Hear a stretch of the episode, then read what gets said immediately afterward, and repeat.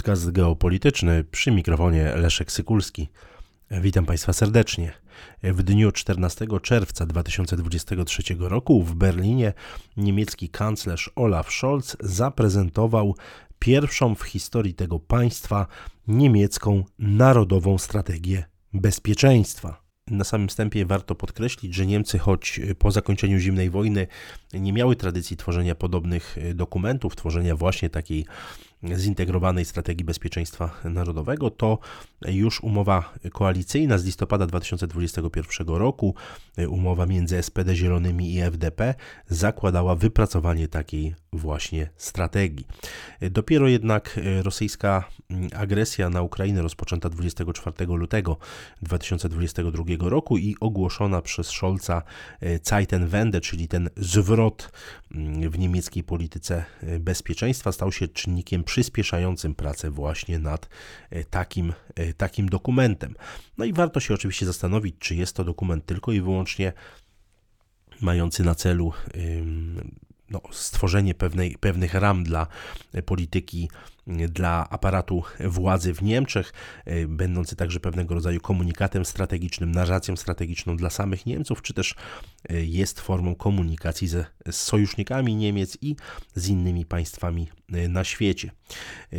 Warto na samym wstępie także podkreślić, że Najważniejszym e, zagrożeniem dla pokoju i bezpieczeństwa obszaru transatlantyckiego jest nowa niemiecka strategia bezpieczeństwa, czy pierwsza niemiecka strategia bezpieczeństwa określa, określa Federację Rosyjską. Sporo jest właśnie mowy o obszarze transatlantyckim, o sojuszniku kluczowym, takim jak Stany Zjednoczone dla, dla Niemiec i to bardzo silne wyeksponowanie zagrożenia mm, dla pokoju i bezpieczeństwa ze strony Federacji Rosyjskiej właściwie mm, przewija się przez większą część tej strategii.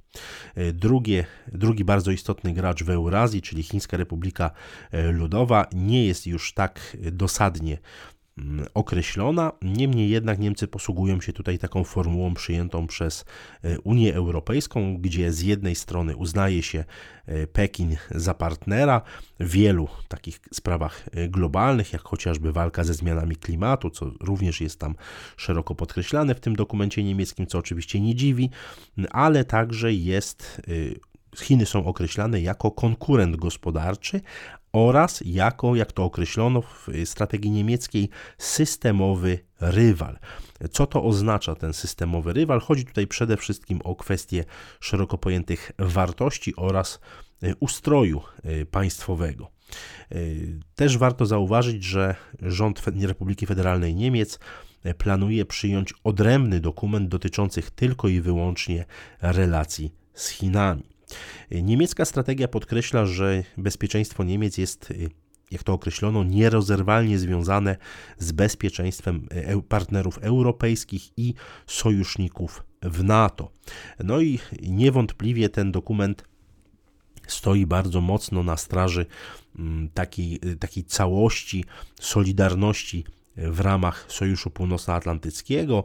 Y, obrona sojuszu ma być centralnym zadaniem Bundeswehry, jak to określono, y, i niewątpliwie mm, próżno tutaj szukać szerokiego jakiegoś rozwinięcia chociażby koncepcji Emmanuela Macrona mówiącego o autonomii strategicznej Europy.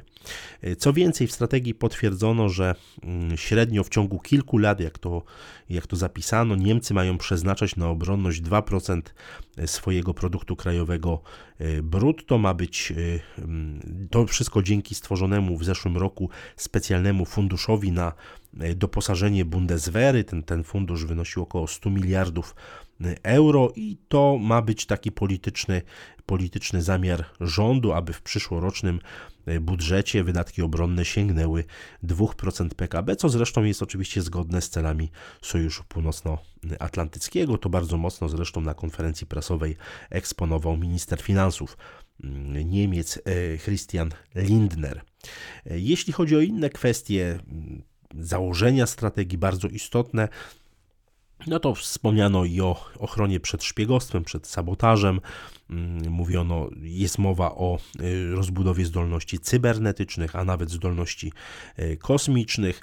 Wspomniano o kwestii bezpieczeństwa w zakresie dostaw surowców, w zakresie dostaw y, energii. Jest tutaj taki silny postulat dywersyfikacji dostawców. To wszystko Mm, to wszystko y, ma być także związane z tworzeniem rezerw surowców i tak dalej, i tak.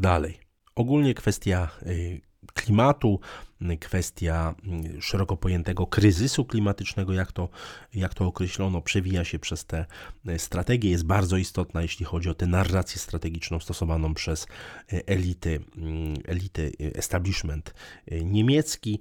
I tutaj także warto zauważyć, że Niemcy powielają pewne takie kalki narracyjne amerykańskie, mówiąc o obronie demokracji, o obronie tejże demokracji przed wpływami z zewnątrz, o obronie przed mm, przed różnymi formami ekstremizmu i tak.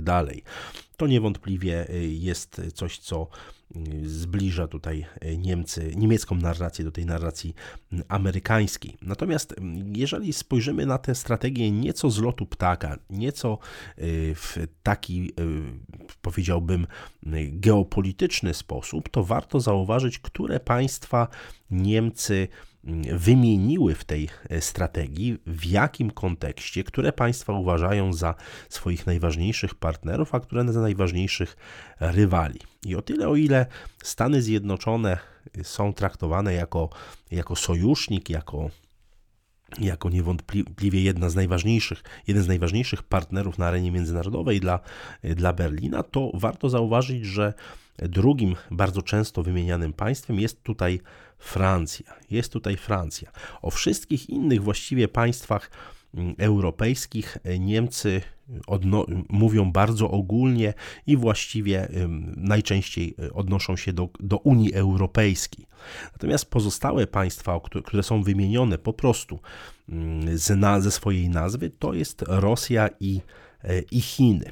Co ciekawe, jeśli chodzi o sojuszników, o tych partnerów, z którymi Niemcy będą chciały budować y, nową architekturę bezpieczeństwa międzynarodowego, nową architekturę bezpieczeństwa europejskiego, nie ma tutaj mowy w ogóle o Wielkiej Brytanii, ani, uwaga, ani słowa o Polsce. To bardzo y, ciekawe, wystarczy zauważyć i porównać y, strategię bezpieczeństwa narodowego Rzeczypospolitej Polskiej mm, i właśnie strategię, strategię niemiecką. Wystarczy porównać te strategie, które do tej pory właśnie były opracowywane i to, jakie miejsce w tych strategiach zajmowały Niemcy, a spojrzeć na ten ostatni dokument, czy pierwszy tego typu dokument niemiecki i zobaczyć, że Polska tam się po prostu w ogóle nie, po, nie pojawia.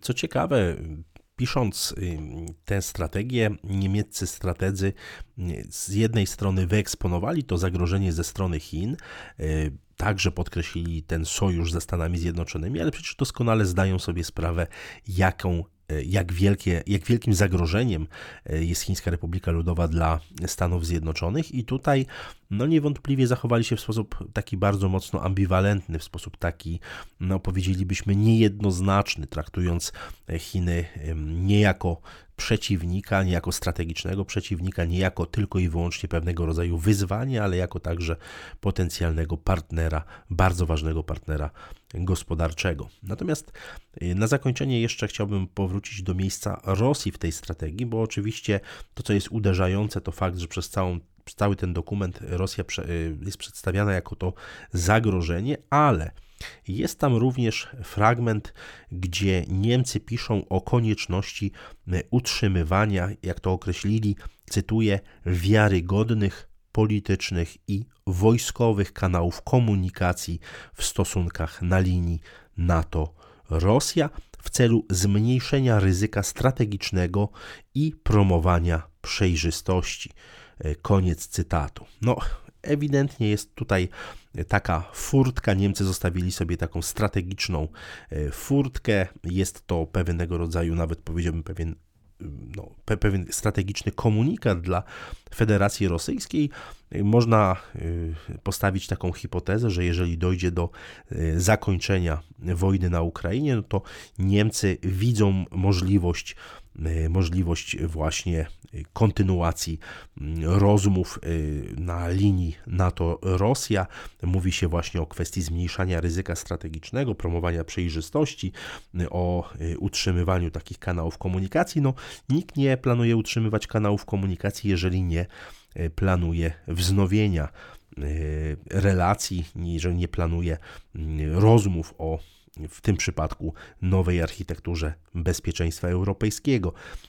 Podsumowując, Myślę, że warto zdecydowanie zapoznać się z tą strategią. Link e, do e, oryginału znajdziecie Państwo w opisie i w komentarzu e, pod tym filmem. Na pewno jest to taki duch czasów. Ten, ta strategia jest w mojej opinii produktem marketingowym, produktem obliczonym przede wszystkim na przekonanie społeczności zachodnioeuropejskiej czy szeroko, pojęte, szeroko pojętej zachodniej, także w Stanach Zjednoczonych że Niemcy odcinają się od Rosji, że potępiają te, e, te agresje. Natomiast z drugiej strony widzimy także to takie typowe niemieckie puszczanie oka do, do Rosji, gdzieś między, między wierszami, podobnie zresztą jak do, jak do Chin.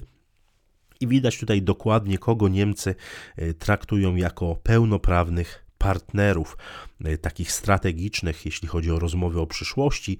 E, są to przede wszystkim e, Stany Zjednoczone i Francja, a właściwie cała reszta jest tutaj potraktowana bardzo marginalnie. No i to niewątpliwie może się nie podobać zarówno w, w, Wielkiej Brytanii, we Włoszech, czy, no nie mówiąc już tutaj w ogóle o, o Polsce, no ale tak, takie jest to spojrzenie dzisiejszych nie, elit y, niemieckich i warto y, się z tym zapoznać, warto o tym y, pamiętać.